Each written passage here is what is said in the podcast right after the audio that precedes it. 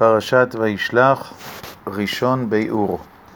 וישלח יעקב מלאכים לפניו אל עשיו אחיו, ויצב אותם לאמור כה תאמרון לאדוני לעשיו, כה אמר עבדך יעקב, עם לבן גרתי, ואיחר עד עתה, כלומר עד עכשיו הייתי שם במשך עשרים שנה, ועכשיו יש לך להגיד לאדוני למצוא חן בעיניך. יעקב אבינו יודע שהסיפור האמיתי הגדול עוד לפניו, הרי הוא ברח מפני עשיו, ואף על פי שהגיעה השעה כדבריו, שאעשה גם אנוכי לביתי, עדיין אותה הבעיה שעמדה בפניו, שבגללה היה צריך לברוח, עשיו הרוצה להרוג אותו, מתנחם לך להורגך, יכולה להיות קיימת, והוא שולח משלחת. האם אוכל למצוא חן בעיניך? האם יכול להיות שהמצב השתנה? יעקב אבינו לא מציע פתרון, הוא לא אומר לעשיו, אני מציע את חלוקת הארץ, או מציע חצי מהירושה, או כל דבר כזה, אלא למצוא חן בעיניך. והמלאכים באים ואומרים, וגם הולך לקראתך וארבע מאות איש עמו, והכוונה הברורה היא שיש צבא של עשיו שיוצא לקראת יעקב. מי, זה, מי הם ארבע מאות איש? הרי לא מדובר על משפחתו, לא מדובר על מחנה קיץ, אלא מדובר על מסע צבאי, גדוד, אולי חטיבה צבאית הולכת לקראת יעקב, והכוונה ברורה, וירא יעקב מאוד ויצר לו, והוא חוצה את העם, כאן אפשר לראות את החרדה העמוקה וגם את הפסימיות, והיה אם יבוא עשיו אל המחנה האחת ויקהו, והיה המחנה הנשאר לפליטה.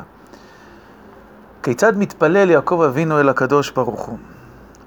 הוא אומר, אלוהי אבי אברהם ואלוהי אבי יצחק, השם האומר אליי שוב לארצך ומולדתך ואיתי ועמך. קטונתי מכל החסדים ומכל האמת. הפרספקטיבה, דווקא האיום, מחזירה אותו אל הראשית, אל המקל, מה שאיתו היה בשעה שעבר את הירדן בכיוון מזרח, בכיוון חרן. רק מקל, כלום לא היה לו, ועכשיו הוא שני מחנות. פתאום הוא מבין את גודל החסד שעשה עמו הקדוש ברוך הוא. אלא מה? שברכת השמירה, הנה אנוכי עמך ושמרתיך בכל אשר תלך והשיבותיך אל האדמה הזאת, לא מחייבת שני מחנות. יכול היה לחזור עם שני ילדים, עם אישה, יכול היה לחזור עם רכוש דל, והנה יש לו שני מחנות. ויעקב אבינו יודע שפתאום כשהוא מסתכל בפרספקטיבה ארוכה על ה-20 שנה האלה, שיש פה הרבה יותר משמירה. יש פה הרבה יותר מדאגה לבריאותו, לשלומו, אפילו מציאת אישה. שני המחנות האלה מעבירים אותו מממד פרטי לממד לאומי. ולכן בתפילתו כשהוא פונה לקדוש ברוך הוא אומר לו, הצילני נא מיד אחי מיד עשיו, ואתה אמרת היטב היטיב עמך ושמתי את זרעך ככל הים, אשר לא יספר מרוב.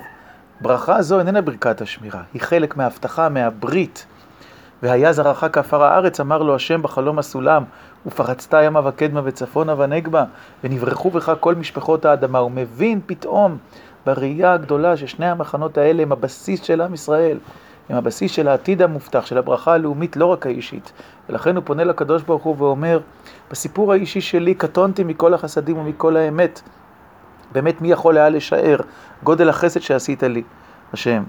אבל בסיפור הלאומי, הרי פה נמצא הבסיס לקיום הלאומי. ואתה אמרת היטב היטב עמך ושמתי את זרעך ככל הים. על כן אני מבקש ממך, ריבונו של עולם, שתציל את העם הזה, שתציל את הבסיס לקיומה של האומה. ובזה יוצאת התפילה מגדר תפילה פרטית והופכת להיות תפילה לאומית. ונזכיר את דברי רש"י, שאומר שיעקב אבינו התכונן לשלושה דברים, דורון, תפילה ומלחמה. הדורון יסופר בחלק השני של הפרשה, כן, הוא שולח מנחה היא שלוחה לאדוני לעשו. התפילה הנה היא כאן, שמעבירה אותו מהממד הפרטי לממד הלאומי. והמלחמה היא החצייה לשני מחנות וההתכוננות לקראת הקרב האפשרי עם עשיו.